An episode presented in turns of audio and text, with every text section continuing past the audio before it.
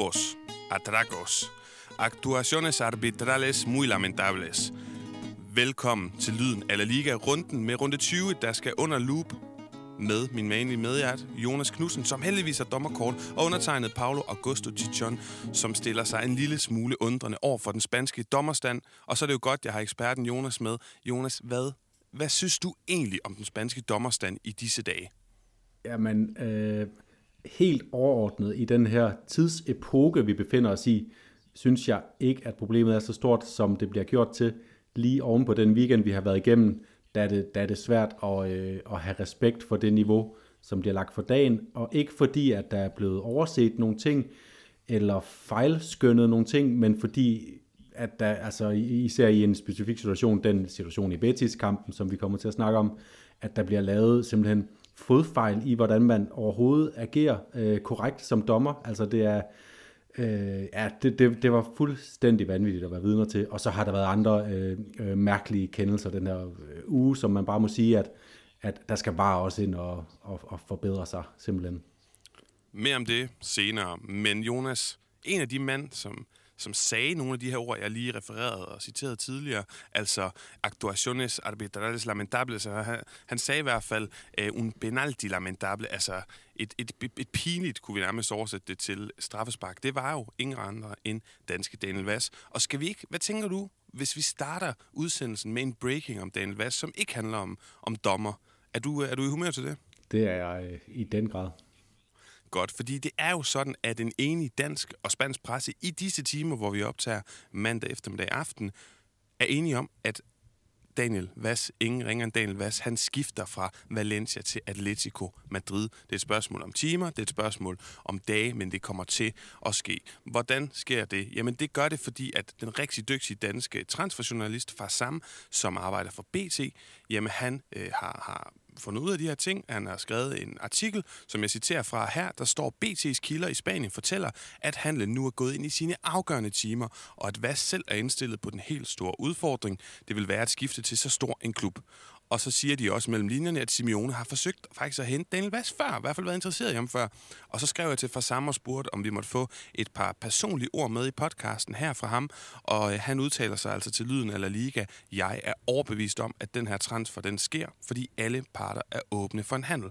Og Jonas, så gjorde jeg jo det, at jeg også lige forhørte mig, slog på vandrørene, eller hvad det hedder, nede i Spanien, for at høre de valencianske journalister. Er de nu enige i, at øh, ja, det her kommer til at ske? Så jeg spurgte Paco Polit, som altså øh, følger øh, Valencia rigtig tæt, og også har insider viden, og han siger, øh, at Atletico Madrid de har i hvert fald allerede kommet med første bud på VAS, og øh, VAS er enig med, med Valencia, nej undskyld, med Atletico Madrid, og Valencia, de er faktisk også ret glade for at kunne sælge ham, fordi han er jo transferfri til sommer. Det eneste, de mangler på, det er, og de mangler lige at have hans substitut klar. Og når de har ham klar, så kommer det her altså til at ske. Hvad tænker du? Kan du overhovedet øh, tro din egen øjne, skulle til at sige? Og hvad tænker du om alt det her, Jonas? Ja, altså det, det kan jeg faktisk godt, og, og jeg hæfter mig også ved, at, øh, øh, at øh, den, en vending, jeg, jeg læste inde på, på Martka, hvor de behandlede den her, øh, den, det, her, det her rygte, det var, at de skrev, at det var det første, der poppede op i Simeones hoved, da, han, øh, da, da øh, Tobias afgang den blev officiel. Altså, det var, han har ikke tøvet et sekund Simeone med at pege på, på Daniel Vass som kommende erstatning, og det tyder også på, at der kan være en, en pointe fra, øh, i, at, i at han har været interesseret i ham i, i længere tid simpelthen. Øh, jeg, jeg var ude på Twitter lige da, da de har solgt øh, Trippier, øh, og, og, og sige sådan, jeg, jeg kunne ikke pege på nogen øh, fra La Liga, der kunne gå ind og starte Trippier, i hvert fald ikke som sådan en... Øh, Øh, Øh, en, en god erstatning, som de kunne, kunne smide direkte ind i deres øh, startopstilling her resten af sæsonen, øh, og spurgte derfor, om der var nogen, der havde bud, og de, de bud, der kom, var også fra udlandet, og Mukiele i, i Leipzig fra den gode øh, Bundesliga-ekspert Rune Petersen, og øh, en Arsenal-reserve, Cedric Suarez. Jeg tænkte på Daniel Vast, inden jeg lavede det der tweet, men jeg kunne simpelthen ikke tro, at, at, at vi skulle have endnu en dansker til en, øh, til en La Liga-mesterskabskandidat. Ikke lige den her sæson, men, men sådan overordnet set. Jonas, vi kan jo rose den gode Daniel Vass, fordi vi begge to godt kan lide ham som spiller, fordi vi har fulgt ham siden han startede i Celta Vigo og imponeret i en lang årrække, i en lang periode i Spanien. Men det var lidt som om, at det gik under radaren hjemme i Danmark, fordi folk ikke så Celta Vigo, og fordi den kære Åke Harreide, her kan jo forekomme, synes nogle andre spillere var bedre. Men lad os nu lige forholde os til her, nu hvor vi står 2022, og det ligner Daniel Vass, han skal stå højre døren for Atletico Madrid. Jeg tænker, sindssyg arbejdsmoral. Jeg tænker en mand, der er polyvalent, der er alsidig. Jeg tænker en mand, som øh, kender den her liga, kender det her land sindssygt godt, øh, er trænerens mand. Og så synes jeg, at han er en god takler, han er okay defensivt, men mest af alt, så er han jo fremragende også med sin pasningsfod er det ikke oplagt at drage nogle store paralleller til Kieran Trippier, eller, eller hvor, hvor synes du, ligesom, hvis du holder de to spillere op over for hinanden, er der store forskelle, eller er det egentlig meget smart at hente en, en spiller, der måske minder meget om? Øh, der, der er lidt forskel i, hvor, hvor dygtige de er til at, at bryde igennem. Altså Daniel Vass har ikke den samme øh, fart til sådan selv at sætte sig igennem med, øh, med, med driblinger og udfordringer udenom sin direkte op, op øh, øh, mod, øh, modspiller. Men der, hvor man i hvert fald kan sammenligne dem, det er på deres, øh, på, på deres præcision i indlægsspillet, i afleveringsspillet, øh, og sådan generelt bare deres også boldfasthed, fordi det er også noget af det, Trippier kunne på den her wingback, øh, agere sådan en ekstra midtbanespiller, og der må man bare sige, der har Daniel Vass øh, nogle større kvaliteter, end, øh, end Kieran Trippier har, øh, og vi må gå ud fra også, at, at ideen med, for Simeone med at hente Vass, der er også at kunne fortsætte med det her øh, wingback-system, hvor vi så, at han er gået lidt mere tilbage til en 4-4-2, her på det sidste, hvor Trippier har været ude og er blevet solgt. Øhm, han vil gerne have mulighed for at spille begge opstillinger igen, og det får han med Daniel Vass, fordi han behøver sikkert skifte nogle spillere ud for at, øh, at ændre formationen, øh, fordi Daniel Vass han kan bare rykke frem på en, øh, en wingback, og han kan rykke tilbage på en bak, og han kan løse begge opgaver og en spiller, Daniel Vass, som har betydet meget i Celta Vigo, også for de danskere, der var der i, i årene omkring ham, og også efterfølgende. En spiller, der har betydet utrolig meget siden skiftet til Valencia, hvor han jo har spillet stort set rup og stop, og derfor kan man stille sig meget undrende over for, hvorfor de lader ham smutte, men jeg gætter ja, han er, på... Han er den spiller i Valencia med flest minutter øh, i benene den her sæson, og altså det, det, det, hvis jeg lige må tilføje, det, det eneste mærkelige ved den timing, der er her, det er, at han jo egentlig har spillet øh, sådan, øh, måske den første sæson længe, hvor han, hvor han nærmest kun har spillet på midtbanen øh, på grund af nogle, øh, nogle salg, øh, Valencia har lavet osv. Øh, så, så der er timing måske lidt dårlig, fordi Atletico skal på højre bak, men det er altså Valencias mest benyttede spiller, øh, øh Daniel Vass, så det siger også rigtig meget om, at han, han har kvaliteter til at, at ikke løfte Atletico, men gå ind på det her Atletico-hold. Ja, og som jeg også øh, og er fuldstændig enig, Jonas, en rutineret spiller, en spiller, som vi begge to, tror jeg godt, jeg kan sige, øh, for, for, for, for os, jeg også på dine vegne, en spiller, som vi ikke er nervøs for, ikke kan tage det her spring. Det eneste, jeg ikke kan forstå, udover Valencia lader ham, lader ham gå, det er, hvor, hvordan i alverden kan det give mening, at vi har hørt så mange forlydende om, at manden er på vej ned, altså 4-5 skridt øh, af, den, af den ambitiøse trappe ved at sige Dansk Superliga. Det, det, det har simpelthen floreret omkring ham i lang tid nu, at han var klar til at komme hjem for det eventyr, og nu hopper han videre på eventyret og op på en højere hylde. Det forstår jeg simpelthen overhovedet ikke, men jeg er virkelig glad for, om det er i Spanien, for han kan sagtens spille et par sæsoner endnu. Ja, jeg ved ganske enkelt ikke, om der, om der bare har været tale om en anden øh, i forhold til hans øh, sammenkædning med Brøndby, fordi vi ved jo også, at at det, der skete i sommer, det var, at han, han var klar til at forlade Valencia, fordi han, øh, ligesom stort set alle andre øh, Valencia-spillere øh, også er blevet træt af sådan tilstanden i klubben øh, på et tidspunkt. Øh, og der ved vi, at, at det er det er Marseille, der bliver snakket om, at han var tæt på at rykke til, som jo ikke er et, øh, det er, nok, det er et lille øh, skridt ned ad stigen, øh, øh, men, men jo ikke i samme stil som at, som at rykke tilbage til, til Brøndby. Så jeg, jeg tror også, det er det, der har været på brættet, og, og måske der har været tale om en, øh, en anden. Altså vi ved jo også, nu, nu sidder jeg i Odense, hvor der har været været store forhåbninger om at få Christian Eriksen til Odense. Vi ved også, at det går hurtigt, når, når fanbaser de, øh, de ser et snit til at hente nogle af deres gamle spillere hjem, og så, øh, og så bliver der smidt rygter.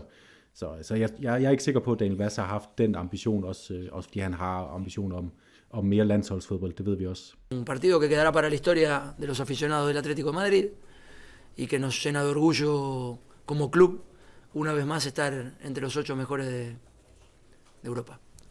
Jonas, fra øh, snakken om Daniel Vass, som jo glæder os, øh, undtagen fortsat med Valencia-fans og Brøndby-fans, men sådan på det generelle plan glæder det os. Så skal vi jo videre til, til runden, der er gået, altså runde 20, og jeg læser lige resultaterne op. Vanen tro lørdag, første kamp Levante-Mallorca, øh, lyder umiddelbart ikke super sexet, men det var det jo, fordi Levante vandt. De vandt første sejr i sæsonen, første sejr i ligaen siden april måned, hvor Roberto Soldado han blev afgørende. Han scorede nu, han er den tredje spiller i historien, der scorer i La Liga for syv forskellige hold, og altså bidrager til den her 2-0 sejr.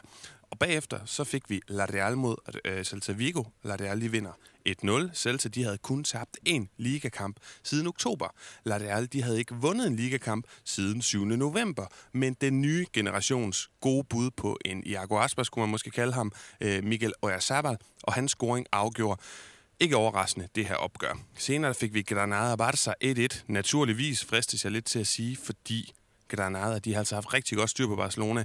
De seneste opgør meget mere om den kamp lige om lidt, ligesom vi også skal snakke meget mere om Real Madrid, som vandt 4-1 over Valencia, Vinicius og Benzema med målene. Men var det egentlig Asensio, der var bedst i El Tridente Offensivo, og vandt Real Madrid kun på grund af dommerhjælp? Det snakker vi altså mere om.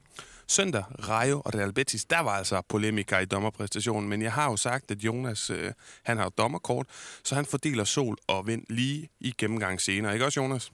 Ja, jeg skal prøve, og det er på et meget ydmygt niveau, at jeg har haft dommerundervisning, men jeg har nok til at vurdere nogle af de tilfælde, der har været den her weekend, det tør jeg godt sige det, jeg glæder mig rigtig meget, og det skal siges, det er improviseret det her. Jeg har ikke bedt Jonas om at forberede hele dommer, dommerting, så jeg glæder mig rigtig meget, men jeg tror øh, på, at han kan. Øh, de sidste kampe, vi skal have med, Sevilla Getafe. Sevilla vinder 1-0. Lopetegi som den nye Simeone, måske med de her 1-0 sejre. Sevilla, det nye Atletico Madrid. Rafa Mir, den nye Diego Costa. Ej, der tror jeg måske i sammenligningerne lidt for langt ud.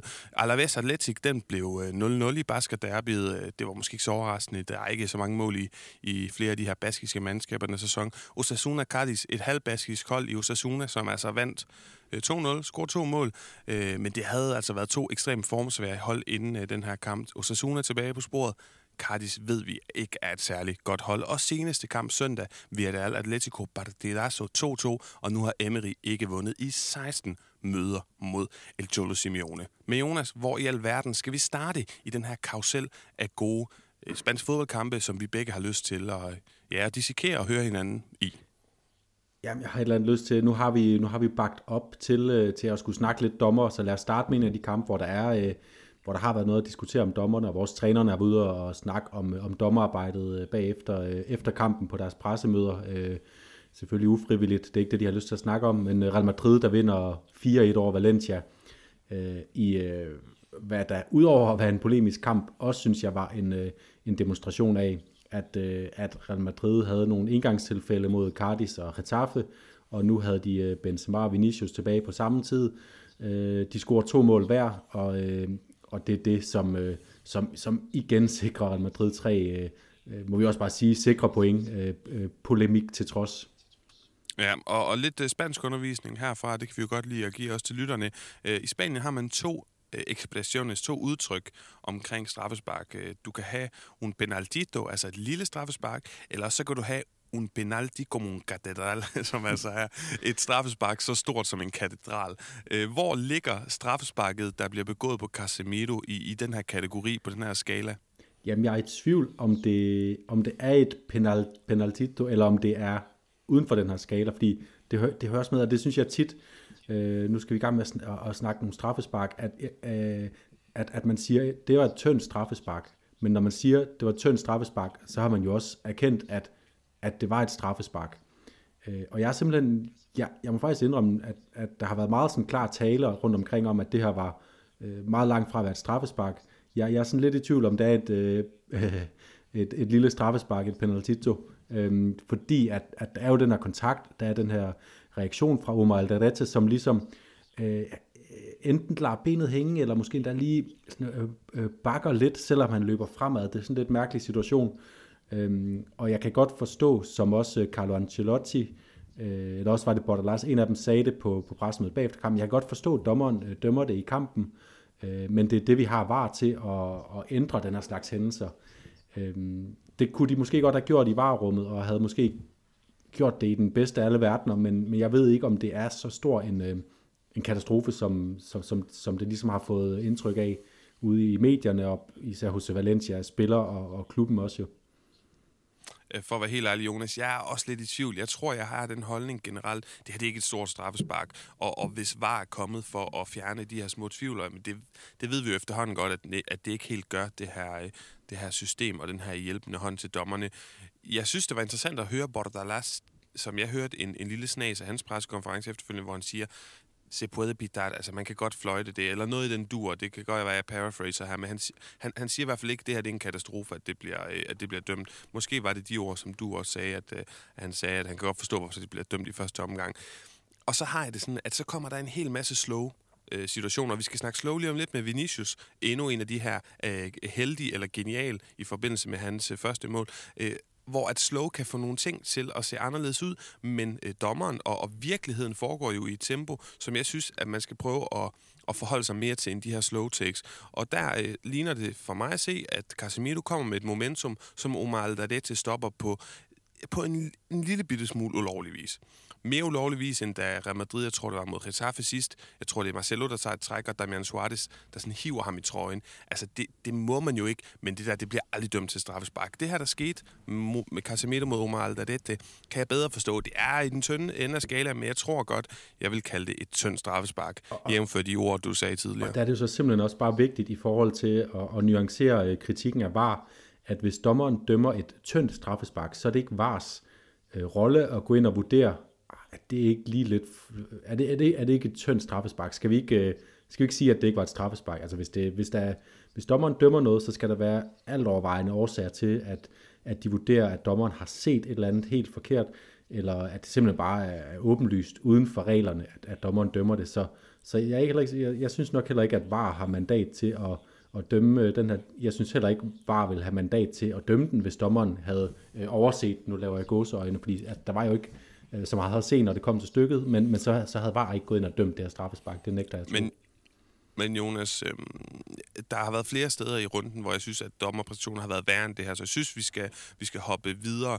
Øh, en ting, jeg har noteret mig i den her kamp, det er, at for en sjælden, sjælden, sjælden gang skyld i en Real Madrid-kamp, så er det højre siden, der fungerede bedst offensivt.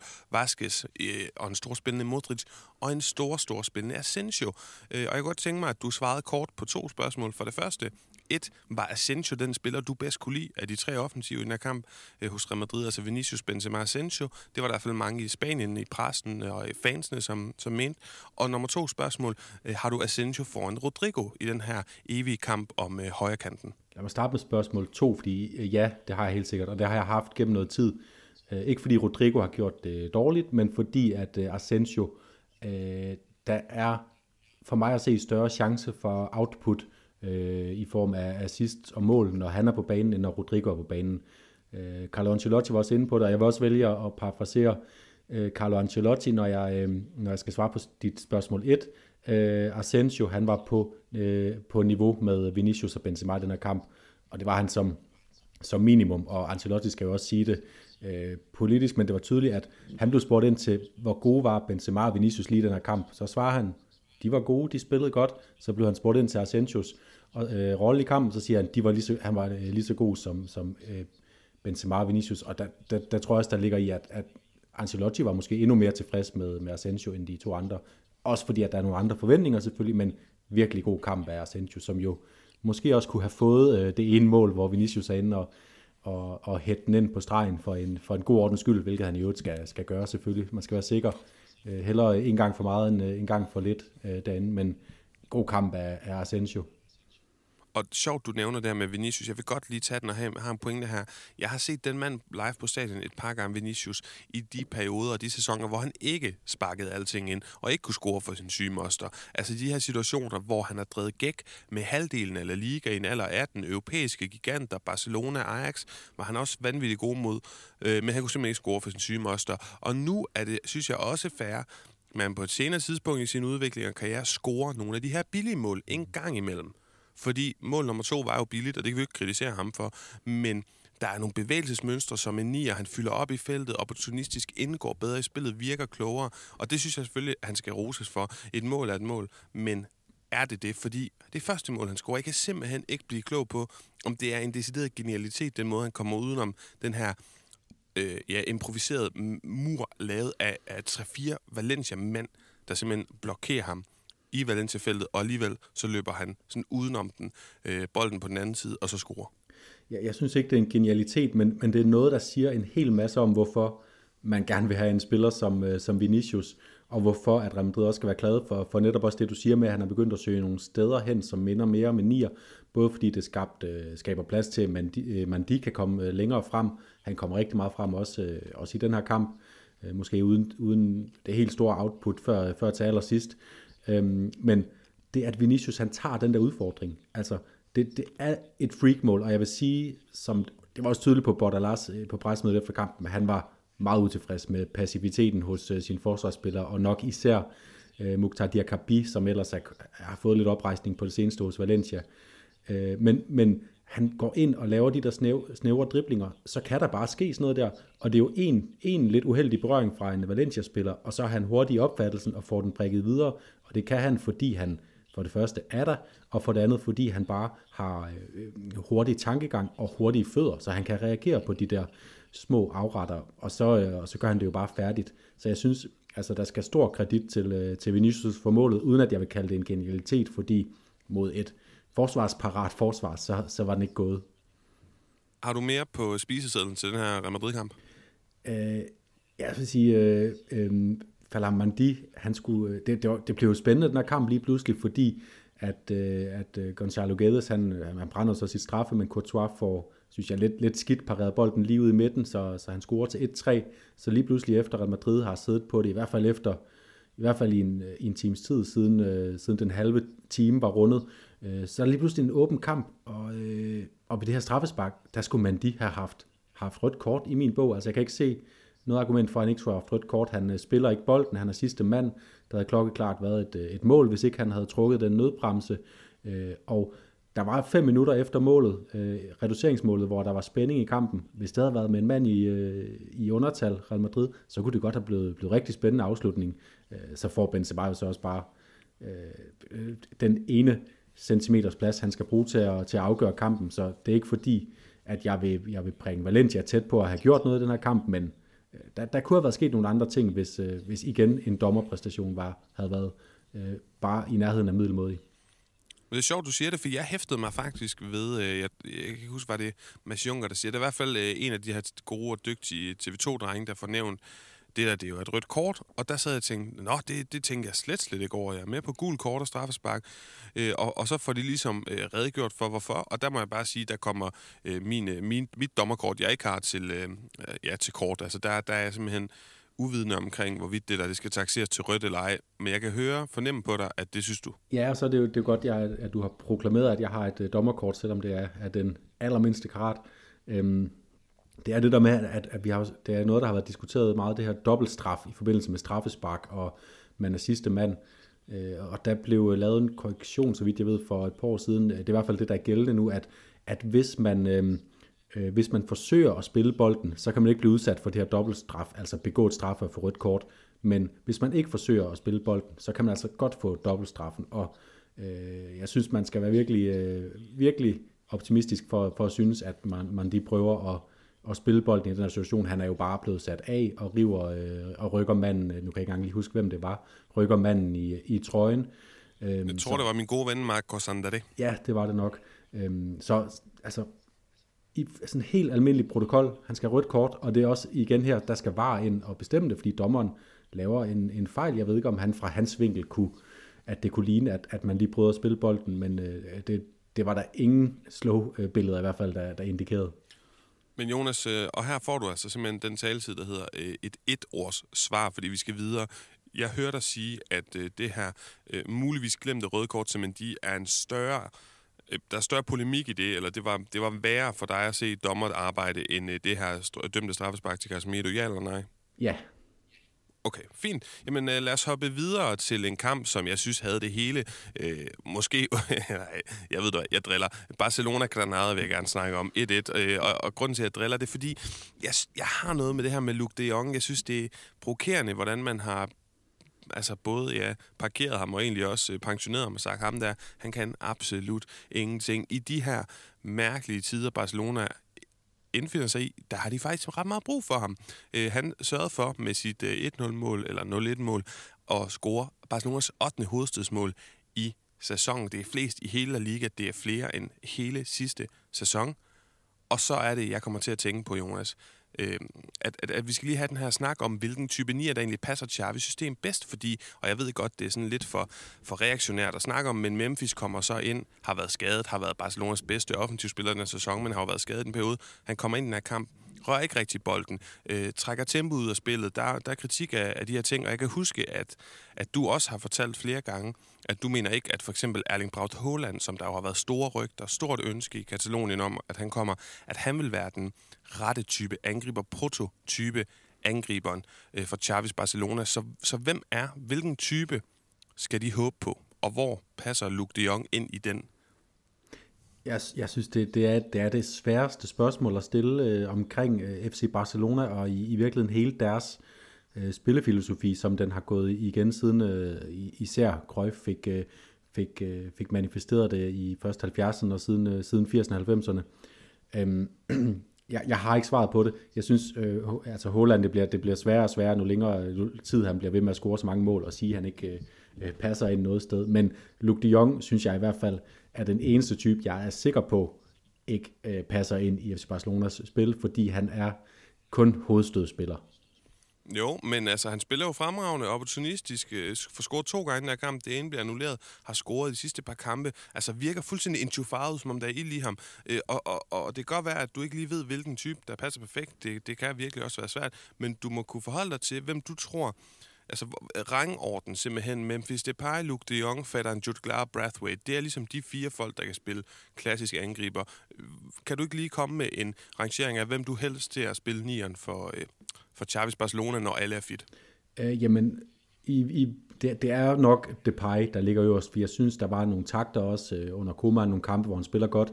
Han kommer ind i den her kamp og er rigtig dårlig ude af form, og så har jeg nok i virkeligheden, øh, altså uden, uden jeg forsøger at være uden danskerbrillerne med Martin Brathwaite øh, som, øh, som nummer to, fordi han har givet noget af det her elastik øh, til øh, at trække modstanderens forsvar, så der bliver plads til, til, til når, når alle er tilbage, til Pedri, til Gavi, til at øh, Dembélé kan udfordre på en anden måde, Ferran Torres, når han også, øh, nu, nu bliver han øh, øh, spilleberettet lige om lidt.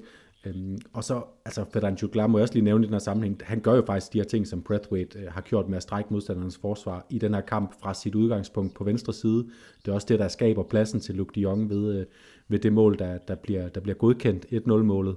Øhm, og, og Luke de Jong, for mig at se, er maksimalt en choker i det her spil. En spiller, man skal bruge på nogle øh, tidspunkter, hvor man har brug for noget særligt, der hvor man ellers vil sætte Piqué op i angrebet eller et eller andet desperat.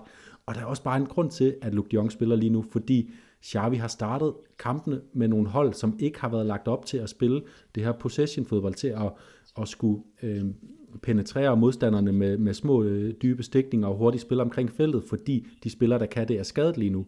Øhm, og, og da Xavi så skifter Depay og Abde ind på samme tid, så er det som om, okay, nu vil vi gerne lukke kampen ved at holde fast i bolden. Han skifter også øh, Alvaro Sainz ind, som han siger helt specifikt, det var for at holde fast i bolden, for at lukke kampen ved at, øh, at, at spille bolden rundt. Det formår de på ingen måde, og det har, har de ikke formået for mig at se en eneste gang, siden Xavi er kommet øh, øh, kommet ind som træner og, og, og simpelthen bare holde fast i bolden og lukke kampen, som vi har set dem gøre øh, under tidligere tider. Så, så her synes jeg, at Xavi har et, øh, et forklaringsproblem, fordi i den her specifikke situation, der skulle jeg måske bare fortsætte med De Jong, øh, få smidt nogle flere indlæg ind, og måske få scoret et, et 2-0-mål, øh, inden øh, Granada kom ind i kampen igen.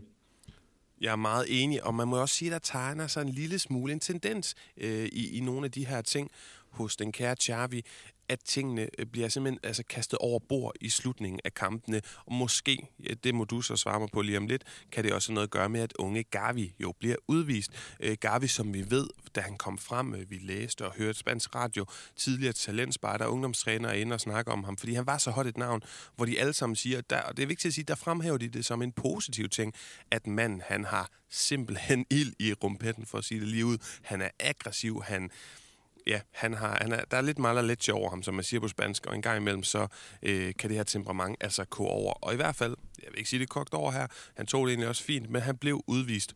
Og vidste du, Jonas, en lille fun fact, at da han bliver udvist, der har Barcelona kun syv førsteholdsspillere i startelveren i det her 82 minutter, der blev udvist. Og hvis en mere end dem, altså en Gavi, havde været blevet udvist, så var Barcelona faktisk blevet taberdømt 3-0, og kampen var blevet afblæst. Det synes jeg er lidt vildt, og jeg har ikke hørt nogen danske medier snakke om det, men i Spanien opfangede man det her. Det var den gode eksdommer i Tudale González, der snakkede om det i, uh, i El Largado. Uh, øh, Lenglet og, og Memphis Depay havde begge to gul kort. Hvis en af dem havde fået gul kort, i den her kamp var blevet udvist, så var kampen bare blevet fløjtet af på stedet, og 3-0 taber dem. Det skulle da vanvittigt det havde været, ja, det havde været skandaløse scener, øh, synes jeg. Det, så ville vi være ud over, hvor, at, øh, hvor, hvor, fodbolden, øh, øh, hvor fodbolden betød noget.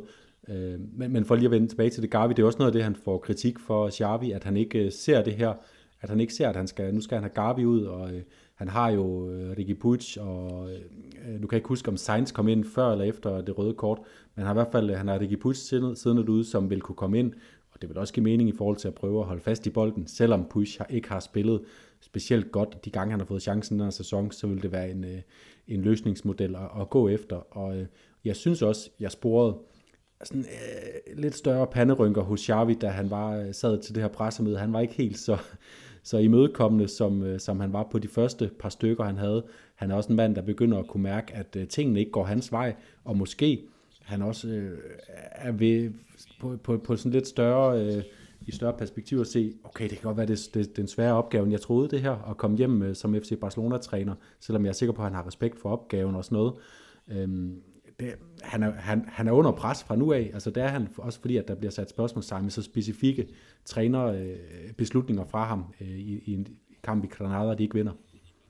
Jamen, øh, jeg er fuldstændig enig. Vi skal bare huske, der er altså kun et point op til Atletico Madrid på, på fjerdepladsen, som er det store mål, det store ambition for den her sæson, og så kan man se sig tilfreds med en, ja, øh, Millestal, mildestal uh, øh, un año de transition, og kun to point op på tredjepladsen.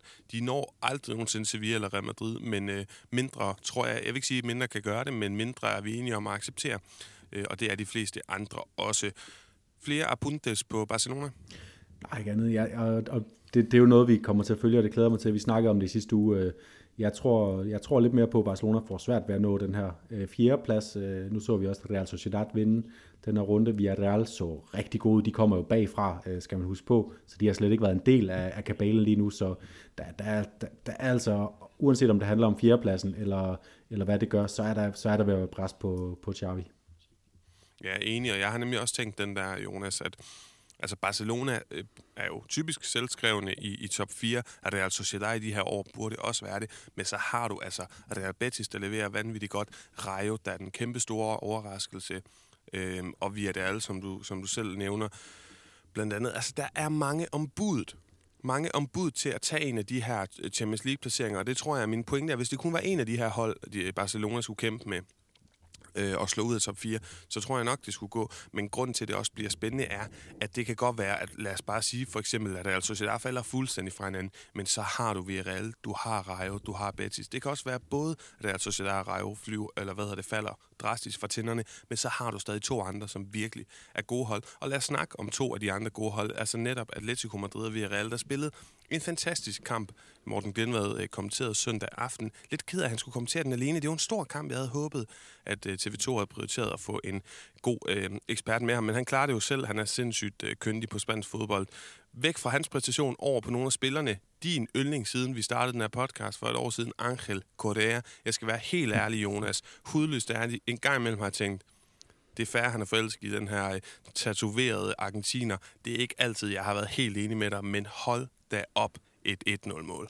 Ja, og han er jo netop, øh, altså øh, grunden til min forelskelse i ham, det er, at jeg synes, han er en af de, de mest vanvittige afslutter, eller lige har. Han er, han er det bare kun i klemt, altså øh, som vi snakker om det så sent som sidste runde, hvor han, øh, hvor han scorer øh, to mål, så vidt jeg husker. Og det, han startede også sæsonen her med at score mange mål, øh, og nu starter han jo bare den her kamp med fuldstændig vanvittigt mål. Parejo smider bolden dumt, ja, ukoncentreret, helt sikkert, men at øh, Korea bare tager øh, en berøring, og så smækker den ind over Rui, der er, øh, jeg ved ikke om han er langt ude, øh, han, er, han er ude af sit mål, øh, som enhver målmand, der står og følger med i spillet. Den er fuldstændig perfekt ramt af Angel Correa, og øh, David Beckham mod Wimbledon, øh, Xabi Alonso for Real Madrid, der scorer fra en banehalvdel. Det øh, øh, øh sammen, det her, det var et fantastisk mål inden vi snakker mere Atletico Madrid, så lad os lige tage og vende lidt, øh, uh, vi er der lidt gul ubåd, lidt groget. Uh, jeg synes, det er måske lidt søgt, men jeg synes, det er meget interessant at kigge på, på Parejo øh, og hans hofter i forbindelse med Gerard Moreno, der er så fantastisk. Får straffespark, brænder det virkelig dårligt straffespark, og så ud til Parejo, der scorer med sine hofter. Øh, Parejo i den her kamp spiller fantastisk med hofterne, der danser rundt og laver fantastisk lækre afleveringer, kropsfinder, det hele, men smider også bolden væk til Korea. Utilgiveligt. Og måske jeg synes, og det her det, det eventuelt søgte kommer ind i billedet, at han på en måde en indkapsling af Villarreal den her sæson. En super lækker spiller. Han er købt virkelig klogt, som de har købt rigtig mange smarte og kloge øh, spillere lækker spiller, dominerer chanceskabende, men også alle de her børnefejl. Og der har været så mange børnefejl. Hvis ikke det er Rui, så er det Parejo, så er det Pau Torres eller en anden forsvarsspiller. Også nogle af de her, vi ikke er vant til at laver fejl. Altså, er, det på en eller anden måde indkapsling af Villarreal den her sæson? Fordi vi har jo tit været forelsket i udtrykket. Vi er det igen i den her kamp, men de smider også sejren igen. Ja, og man skal jo bare huske tilbage til, til det seneste møde mellem, øh, mellem de to her på øh, Wanda Metropolitano, hvor Villarreal er på vej til at tage en flot sejr. Og så i overtiden, så vælger øh, Asamandi, som, øh, som jo er til African Nations Cup lige nu, at spille bolden tilbage øh, mod eget mål. Rui, han er væk, så den triller ind, og så øh, nøjes de med, med uafgjort øh, på Wanda Metropolitano. Og den her kamp, endnu et freak-mål. Øh, vi så deres kampe mod Manchester United, hvor de var øh, med længder de bedste hold. De, øh, de skaber, hvis ikke store chancer, så i hvert fald tæt på store chancer i bunkevis. Det gør de også i den her kamp mod Atletico Madrid. Det er ikke fordi, at de, at de vader i sådan store 100% chancer, men de er bare hele tiden lige ved næsten. De er hele tiden højt pressende, øh, hele tiden med, med skarpe afleveringer ind i feltet, hele tiden med boldkontrol tæt omkring feltet. Der er hele tiden fare på færre. Og alligevel, så lige så snart Atletico Madrid kom i den anden øh, retning, så var der bare, øh, så, så kunne man også bare se, at der var noget usikkerhed øh, bag til. Det var ikke fordi Pau Torres, eller Raul Albiol, eller øh, Stupinian, eller øh, hvem var på højre bakken. Juan Foyt spillede nogle dårlige kamp. Der var bare sådan en generel tendens til, der var far på færre, så snart Atletico stikker af. Men Jonas, jeg sidder og tænker, kritik under Emery. Jeg vil stadig være lidt påpasselig med det, fordi du kan se som træner, han har nogle vanvittige visioner i spillet, udover at de spiller sindssygt flot. Altså det faktum, prøv at lægge mærke til den her kamp, Jeddah Moreno, deres, øh, deres target man, deres bedste angriber, selvfølgelig er han også øh, e- eminent i det, i det kreerende spil, men han ligger tit langt tilbage ude i højre side. Og hvem er target man? Dværgen Alberto Moreno. Altså, det var helt vildt at se, og det fungerede. Han løber fri og scorer et mål Alberto Moreno.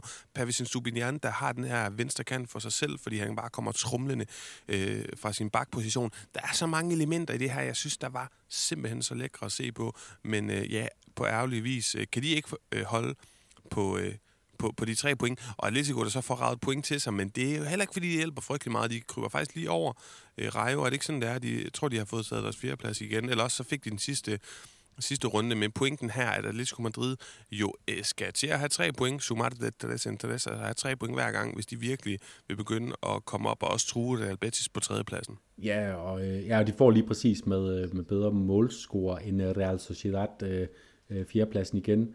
Øh, og, og, og, og det er jo bemærkelsesværdigt, at Atletico Madrid, de er, det er som om, det er sådan en sovende øh, kæmpe i en time af den her fodboldkamp, hvor de bare lader sig trumle over Villarreal den sidste halve time. Øh, de laver jo en indskiftning, hvor de, det er jo, og det er jo altså også en luksus at have, når man er en, øh, en træner med så god en trup, som Simeone har, hvor at øh, Joao Felix og Koke kommer ind på samme tid. Simon Brasalgo kommer også ind på samme tidspunkt, og de skifter til det her wingback-system igen. Llorente kommer lidt længere frem, og derfra, der ser Atletico rigtig god ud, som de også gjorde i sidste uge mod øh, Rayo Vallecano. Øhm, der, der sker lige pludselig nogle, nogle ting og sager. Det er ikke fordi Joao Felix spiller nogen stor kamp, men der sker alligevel noget. Lige så snart han får bolden, så er der noget elektricitet. Øhm, og så var det egentlig lige pludselig bare fra at have været en helt fantastisk kamp på grund af Villarreals meritter, en helt fantastisk kamp, fordi vi bare sad og kunne øh, nyde, at det var to fantastiske hold, der kæmpede øh, åben slagudveksling om, øh, om tre point, ender med uafgjort. Øh, ikke retfærdigt, fordi Villarreal havde helt sikkert fortjent den her sejr, men Atletico får alligevel også et eller andet merit med til sidst, og en god følelse at gå ud af, ud af kampen på, selvom, selvom Kondak Bjerg også slutter med et, øh, med et rødt kort. Mm, ja, og, og sit første mål i Atletico, tror jeg, ja, skal selvfølgelig også mærke. nævnes. Uh, Jan Oblak, synes jeg virkelig, virkelig spiller en, en sløj kamp. Og er en sløj periode, og en sløj sæson. Altså det der, øh, det der, jamen ej, altså det, det er bare så skidt. Jeg vil ikke sige med Alberto Moreno i den situation nødvendigvis det mål er, er, er skidt, der hvor han løber igennem. Selvfølgelig, han får en hånd på, men den suser over ham. Men i forbindelse med det andet mål, og der er bare nogle situationer, hvor jeg synes, han ligner en skygge af sig selv, og det kan selvfølgelig også være forklaring på, på det her breakdown. Øhm, men Jonas, jeg synes, vi skal hoppe videre til sidste dommeraflægning for dig. Øh, Real Betis og Rayo Vallecano, som var den, der stjal alle overskrifterne kan du ikke prøve at tage os igennem, hvad i alverden vi skal mene, og, og hvad der er op og ned i den her, øh, ja, de her dommer, den her dommerpolemik, som der var i den her kamp? Jo, jeg vil, ikke, jeg vil ikke fortælle, hvad nogen skal mene, men jeg vil gerne fortælle, hvad der er, hvad der er op og ned, og øh, hvorfor det er helt galt. Øhm, det, der, der sker jo det, at, øh, at, at øh, Rayo har bolden øh, op på, øh, på, øh, på Real Betis banehalvdel. Det er den skaldede Isi med, øh, Isi med den skaldede Ise, øh, som man kunne sige, som, øh, som dukker sig ned øh, for at hætte sin bold, og i det han dukker sig ned efter bolden, så, så sparker øh, Alex Moreno, øh, Real Betis vensterbak, efter bolden. Han rammer Isi på hovedet. Øhm, helt sådan klassisk farligt spilsituation, hvor sådan helt siden, øh, det var en af de første, hvor man kunne være sådan lidt, øh, lidt, lidt klog i øh, uh, miniput omklædningsrummet, når man kunne sige, at det er faktisk det, det er farligt spil fra dig, hvis du prøver at hætte øh, øh, ned i sådan hoftehøjdeagtigt. Øh, dommeren, han, øh, han lader spillet køre videre, og øh, Rayo-spillerne er, er jo rasende, fordi det viser sig, at øh, Isi han bløder ud af isen, øhm, og han stopper så selvfølgelig spillet, dommeren. Øhm, han går så tilbage. Han har åbenbart noteret sig, at Alex Moreno skal have et gult kort for, for farligt spil. Han går tilbage mod situationen med det gule kort. Øh, og så er der et eller andet, der tyder på, at da han ser, at Isi han bløder ud af isen, så ombestemmer han sig og giver Alex Moreno direkte rødt kort. Og lad mig for det første sige, det er skandaløst overhovedet at give øh, kort til manden i den her situation. Hvis noget skulle være dømt, så skulle det være et frisbak til øh, Alex Moreno, øh, kunne man argumentere for, for farlig spil af Isi ved at stikke øh, den skaldede Ise ned i, i, i støvlehøjde. Og det, det helt skandaløse ved det her, det er, at dommeren kan ikke lade spillet køre videre, og så give et rødt kort på efterbevilling. Og det kunne han godt, hvis det var VAR, der gik ind og vurderede, det her det er et rødt kort, øh, det skal du altså øh, give med det samme, men det er det tydeligvis ikke, fordi han, han stanger det ud, øh, straks han kommer tilbage til situationen. Så det er bare, øh, det er så skandaløs en dom, at det, det, det, er, det er utilgiveligt, det, det, det er umuligt at forstå, hvad der er sket, og selv Manuel Pellegrini, den, øh, den rolige, relativt rolige chilener ude på bænken, han var også øh, rasende, da de gik ud mod, mod omklædningsrummet efter første halvleg, og, og, og kunne slet ikke være i sig selv, fordi det er bare så, øh, Øh, det, det er jo imod, øh, åbenlyst imod reglerne, det dommeren foretager sig, og imod almindelig protokol, dommerprotokol, det, det, er, det, det er en skandale. Jeg er ikke, øh, jeg er ikke uenig, Jonas. Øh, men det, jeg ved, det er, at vi har en udvidet omgang koringer, fordi vi skal også debattere det her endnu mere. Øh, det synes jeg, vi skal gøre. Espanyol Elche skal jeg bare lige huske at sige, at den sidste kamp, vi får i den her runde, vi får den ikke snakket igennem, fordi den bliver faktisk sparket i gang lige om et par minutter fra, hvor vi optager lige nu. Så øh, Jonas, jeg hopper på en breaker, og så lad os tage alle de her koringer. Good evening. Good evening. Good evening. Good evening. Good evening. Good evening. El Detallazo de la Jornada.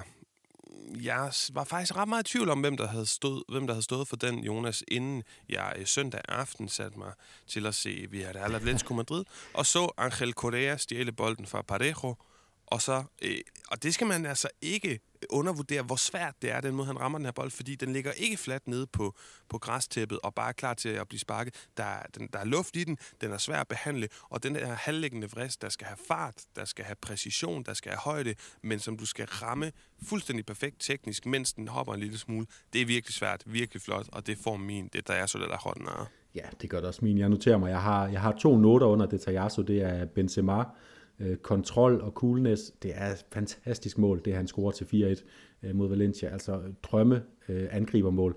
Og så Rafa Mir bager meget ben til, øh, til Sevillas øh, enlige 1-0-scoring mod Retafe, der sikrer dem øh, tre vigtige point. Øh, virkelig også god detalje, fordi det kommer. Han skal reagere hurtigt på den, og han får ligesom han får, som om han øh, ved at spille bag om eget ben endda får givet bolden endnu mere kraft, end den havde, da den kommer ind til ham.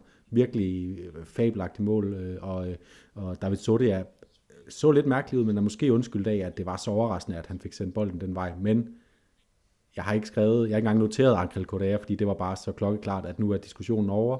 Det er, det er den, der er rundens uh, detajasso.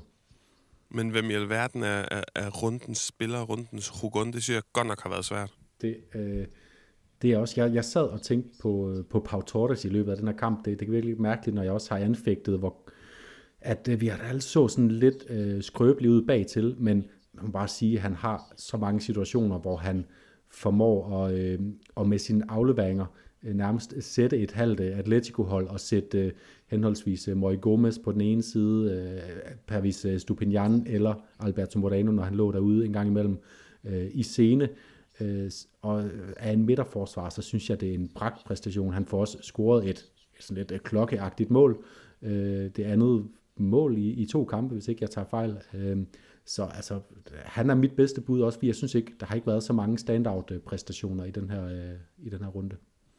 Jeg vil godt honorable mention Dani Alves. Jeg synes, øh, det er også bare lige for at nævne, at han virkelig gør det godt taget alting i betragtning, men også taget ingenting i betragtning, synes jeg, han er en af de bedste spillere for, øh, for Barcelona, for sin bakkollega, der er øh, tusind år yngre i Jordi Alba, til virkelig, og øh, ja, han må tænke sig om øh, og prøve lige at huske på, at selvom man er 38 år, og man ikke har spillet på det her niveau i et par år, jamen så, så kan han altså stadigvæk den gode Alves, og jeg synes også, han har noget ro, og man kan se, at øh, der er noget af det erfaring, og, og de, de, altså han, han gestikulerer også ud til sine yngre holdkammerater, og det smitter af, fornemmer jeg.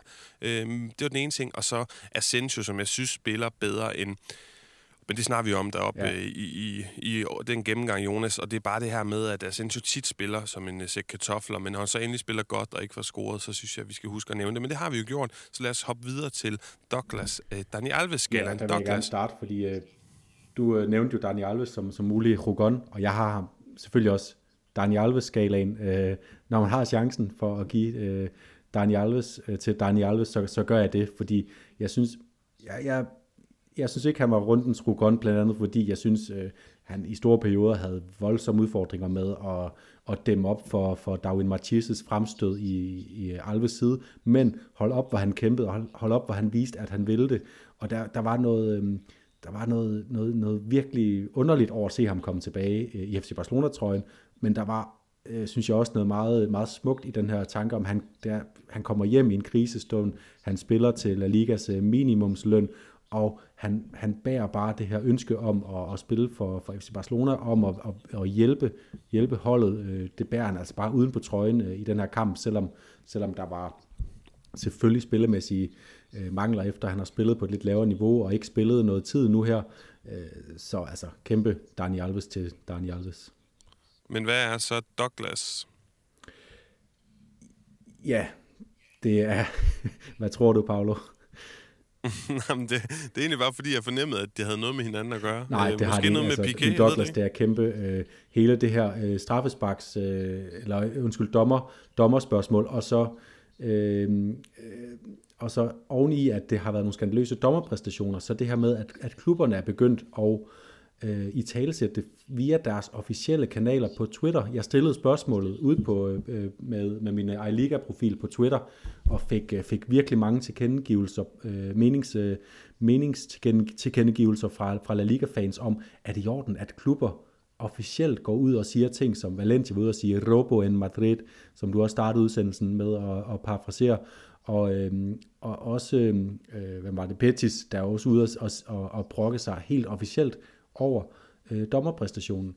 Ja, skandaløse dommerpræstationer, men jeg synes, det er uklædeligt, at klubberne officielt øh, går ud og melder de her ting ud. De kan klage til dommerne, og hvis de føler sig uretfærdigt behandlet der, så kan de så kan de gå til medierne. Jeg synes ikke, de skal på den her måde reagere instinktivt øh, via deres officielle kanaler.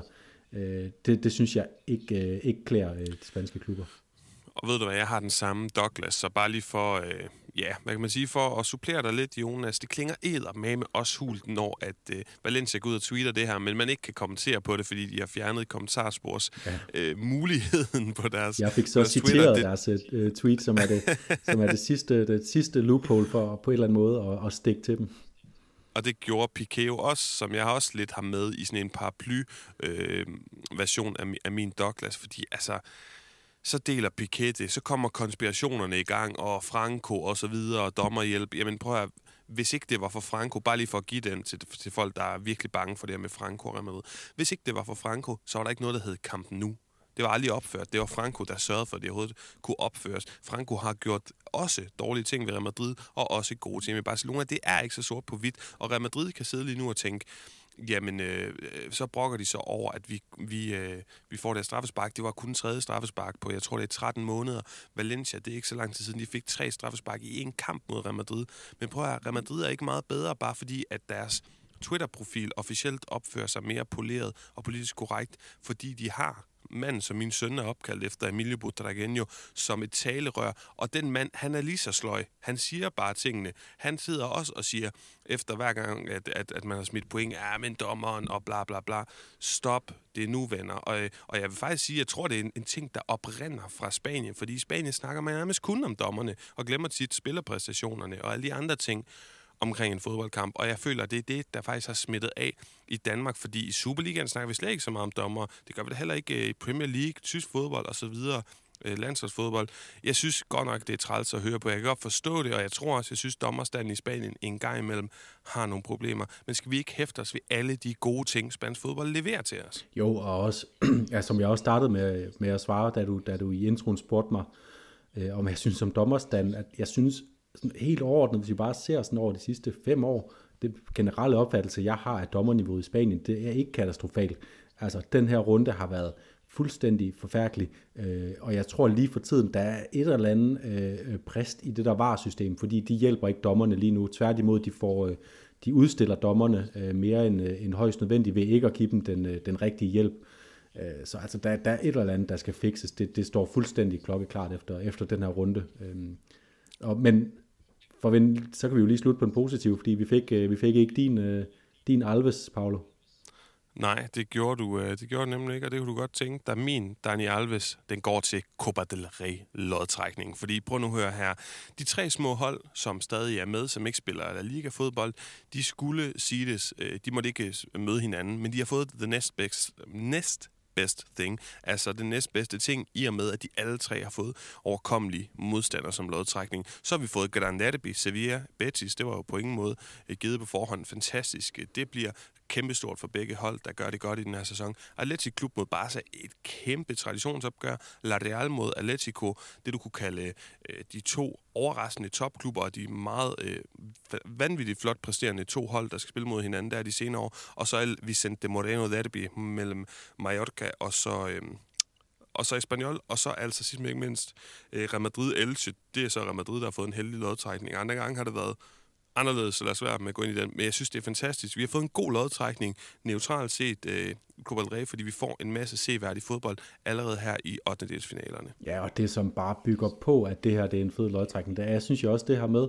vi skal ikke se frem til, til kampe, der bliver spillet over to opgør, hvor vi skal trække igennem sådan lidt halsløv øh, 1-1-kamp, hvor ingen af holdene rigtig spiller sig ud den første gang. Det er lige på hårdt. Det er Derby Sevillano. En kamp, taberen ryger ud, øh, det, det, bliver, det bliver vanvittigt fede kampe. Det gør det nemlig. Men Jonas, øh, apropos det, så du er i gang med at forudsige lidt, og det skal vi jo til forudsigelsen. Øh, lad os starte med at få overstået øh, det, som vi altid skal, kommende runde, fordi bagefter, så kunne jeg godt tænke mig at lige tage en lille ekstra godbid med til dig og til lytterne. Øh, Espanyol spiller mod Cardis i den næste runde. Jeg tror, at Espanyol de vinder, og jeg tror, at man skal kigge på holdet.dk mod to billige halvvågede bud, hvis man tør. Nico Melamed, som vi har snakket med katalanske journalister om, og som siger, at det her ungdomsprodukt er virkelig spændende offensive spillere, øh, som kan skabe nogle ting, og så Jan Galedeta, som er chokerende billig.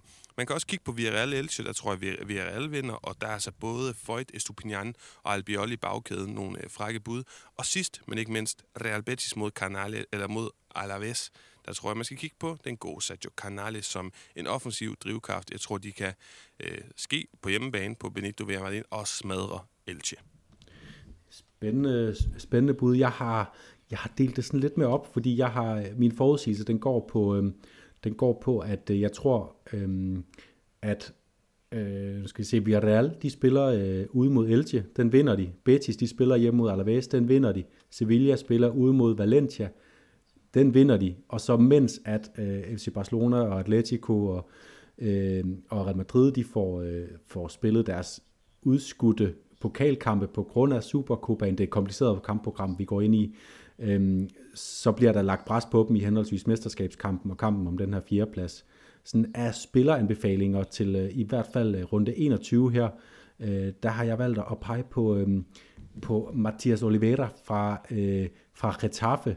De spiller mod... Øh, de spiller mod Granada på hjemmebane, og Getafe har fundet sådan lidt ind til deres, øh, til deres, øh, deres, deres øh, niveau igen øh, med, med god disciplin, og, øh, og jeg tror, de holder, holder nullet i den her kamp, og så er Mathias Oliveira også en af de spillere, der kan noget frem af banen. Og så er det værd at bemærke, at, at runde 21 her, den næste kommende runde, det er uden Barcelona, uden Rayo Vallecano, uden Real Madrid, uden Atletic Klub, uden Atletico Madrid, uden Levante, uden Real Sociedad og uden Mallorca i aktion. Så derfor så kunne man godt lure på at skifte, hvis man har Karim Benzema, hvilket jeg vil anbefale alle at have generelt, lige at skifte ham ud en enkelt runde, og så sætte øhm, sæt en, øh, en Jago Aspas ind, som altid er garant for mål, og Celta spiller hjemme mod Osasuna. Der kunne godt komme nogle, øh, nogle mål ud af det. Og så min tredje anbefaling, det er, inden vi optager næste gang, så har der også været spillet en runde 22, så vidt jeg lige kan, kan regne ud på grund af det her øh, mystiske kampprogram, øh, det er at sætte Ansu Fati ind inden runde 22, fordi han er på vej tilbage. Vi har set, når han kommer tilbage, så skal han ikke lige bruge et par kampe på at, øh, og, og spille sig i form. Så, øh, så ind med ham, når vi når frem mod, øh, mod runde 22. Han koster kun 5,5 millioner. Det er altså et scoop for en spiller, der, der nærmest scorer hver gang han, øh, han spiller. Ja, altså nu, nu tror jeg muligvis, at øh, du er kommet for, øh, ja, for godt i gang, Jonas. Altså, jeg, jeg kan heller ikke helt overskue det, det her med det her kampprogram, for helt ærligt. Men det er også ligegyldigt. Øh, det er rigtigt, øh, at der bliver spillet en, en øh, runde lige om lidt, og dem har vi i hvert fald nævnt nogle spillere på. Og så må vi lige se, hvordan der ledes, og hvornår vi over, altså, overhovedet optager næste gang. Fordi jeg spurgte jo dig, om vi også skulle optage en Supercopa optagt. Øh, og det sagde du, at, at det synes du egentlig ikke, vi skulle, og det tror jeg at måske også godt, jeg kan følge dig i. Men lad os lige ganske kort dvæle ved onsdag. Real Madrid-Barcelona El Clasico. Når man snakker spansk fodbold, må man aldrig ignorere det. Når jeg har hørt øh, hvad hedder det, dækning af de her ting i Spanien de seneste par dage, så snakker de allerede sindssygt meget om det. Og jeg kan godt forstå, at du ikke synes, det måske skal, det skal, det skal det, at, at vi skal dedikere en hel podcast til det, men det er jo interessant. Chavis første møde mod Real Madrid. Real Madrid, der har et reelt mulighed for at sende Barcelona af til rent resultatmæssigt, fordi styrkeforholdet virker rimelig ujævnt lige nu. Der er også det element med, at det er en semifinal, om at nå en final, om at nå et trofæ. Der er mange elementer i det her. Hvad, hvad, hvad hæfter du der ved forud for det her opgør onsdag? Jeg hæfter mig ved, at, at det er en, for mig at se lidt en, en showkamp, der bliver spillet i Saudi-Arabien. Det er en, en klassiko, hvor at øh, i en turnering, som ingen af holdene har noget ønske om at prioritere, fordi at de har øh, nogle andre ting i udsigt, og det, øh, vi er i en situation, hvor der er skader, der er covid, der spiller ind på det hele, så man har ikke lyst til at overbelaste nogle spillere. Jeg, øh, jeg, jeg, jeg synes, det er, det er måske en af de, det er, det er den El Clasico i, i verdenshistorien, jeg har glædet mig aller, allermindst til, og, og så tror jeg, at Real Madrid vinder. Øh, altså, jeg er næsten sikker på, at Real Madrid vinder, fordi de har simpelthen så meget bedre hold at stille på banen lige nu, end Barcelona har. Men Jonas, jeg er fuldstændig enig i, at indpakningen omkring tingene er sløjet. i Saudi-Arabien, det er Supercopa semifinale, øh, og, og på den måde er jeg fuldstændig enig i, at det ikke har den kæmpe store betydning. Men jeg tror ikke, man skal tvivle et sekund på, at de kommer toptændt ind til det her opgør, fordi det er et klassiko, og der kommer til at være polemika. Vi så det for et par år siden med Real Madrid mod Atletico Madrid i Supercopa-finalen, hvor at Morata løber øh, frit igennem. Øh, Valverde flæsker ham for klokkeklare rødt kort, der bliver skubbet til hinanden. Altså de her ting betyder stadigvæk noget, selvom de bliver spillet i Saudi-Arabien. Øh, og du har været inde på det, at du skal mere ind på det, for jeg skal have et resultat bud på det fra dig. Og jeg kan starte med at våge mig ud på, på Gladys. Jeg tror, Real Madrid vinder 4-1. Det, det tror jeg er godt bud. Jeg tror, det bliver, øh, som, som du siger, ja, når de går på banen, så er det klassiko, så er der tænding, så, er der, så vil man for alt i verden ikke, øh, ikke tabe den her kamp. Jeg tror, jeg tror at Madrid vinder, vinder, vinder 2-1, så går de i, øh, i finalen, som de øh, skal spille mod, mod øh, øh, ja, hvem er, hvem er der spiller den anden? Det er så øh, Atletic, Atletic, Atletic. Så vi får øh, også det, som er, er kritikpunktet for mig fra det her Supercopa-format, der vi, vi får højst sandsynligt ikke øh, det, som Supercopaen er sat i verden for, nemlig en kamp mellem øh, de spanske pokalvindere, øh, Barcelona, og de spanske mestre Atletico Madrid, men tværtimod tror jeg, vi får en, en sådan en falsk Supercopa-finale mellem Real Madrid, som blev nummer nummer to i La Liga, og Atletic Klub, som, øh, som tabte en, en, en, en Copa-finale. Og den tror du, at det Real Madrid vinder, eller hvad? Det tror jeg, ja. De er bare, Real Madrid er, er lige nu, øh, vi er Real er rigtig gode lige nu, men, men ud over, ud over dem, Øh, og så måske Sevilla, som jeg bare stadig synes mangler noget i det, i det offensive spil, så er Real Madrid bare med, med længder det bedste spanske hold øh, i de her dage, øh, til trods for deres lille øh, øh, ferie øh, breakdown øh, mod, mod Getafe, så, øh, så, så, der, så skal der, der skal meget til at rykke ved Real Madrids øh, øh, form lige nu. Med de ord, så vil jeg øh, konkludere og slutte dagens udsendelse. Øh, tak til Jonas Knudsen. Jeg vil også godt sige tak til Farsam Abol Hosseini, som jo altså er den her berygtede BT transfer ekspert journalist, der har breaket den her Daniel Vass historie, når jeg glæder mig til at se, hvad jeg kan fornemme fra ham, og også fra Paco Polit, vi skal takke nede i Valencia. Øh, jeg kan fornemme, at det er simpelthen, øh, ja, det er bare et spørgsmål om, hvornår det bliver officielt, og det glæder mig simpelthen så meget til, den her nyhed tigger ind om, at Daniel Vass bliver ny Atletico Madrid-spiller. Det bliver stort, fordi han er en stor spiller, og han skal spille for en kæmpe klub, top 10-klub i Europa, hvis du spørger mig. Nok om det, Jonas. Øh, det snakker vi om en anden god gang. Tak for nu. Vi lyttes ved. Ciao.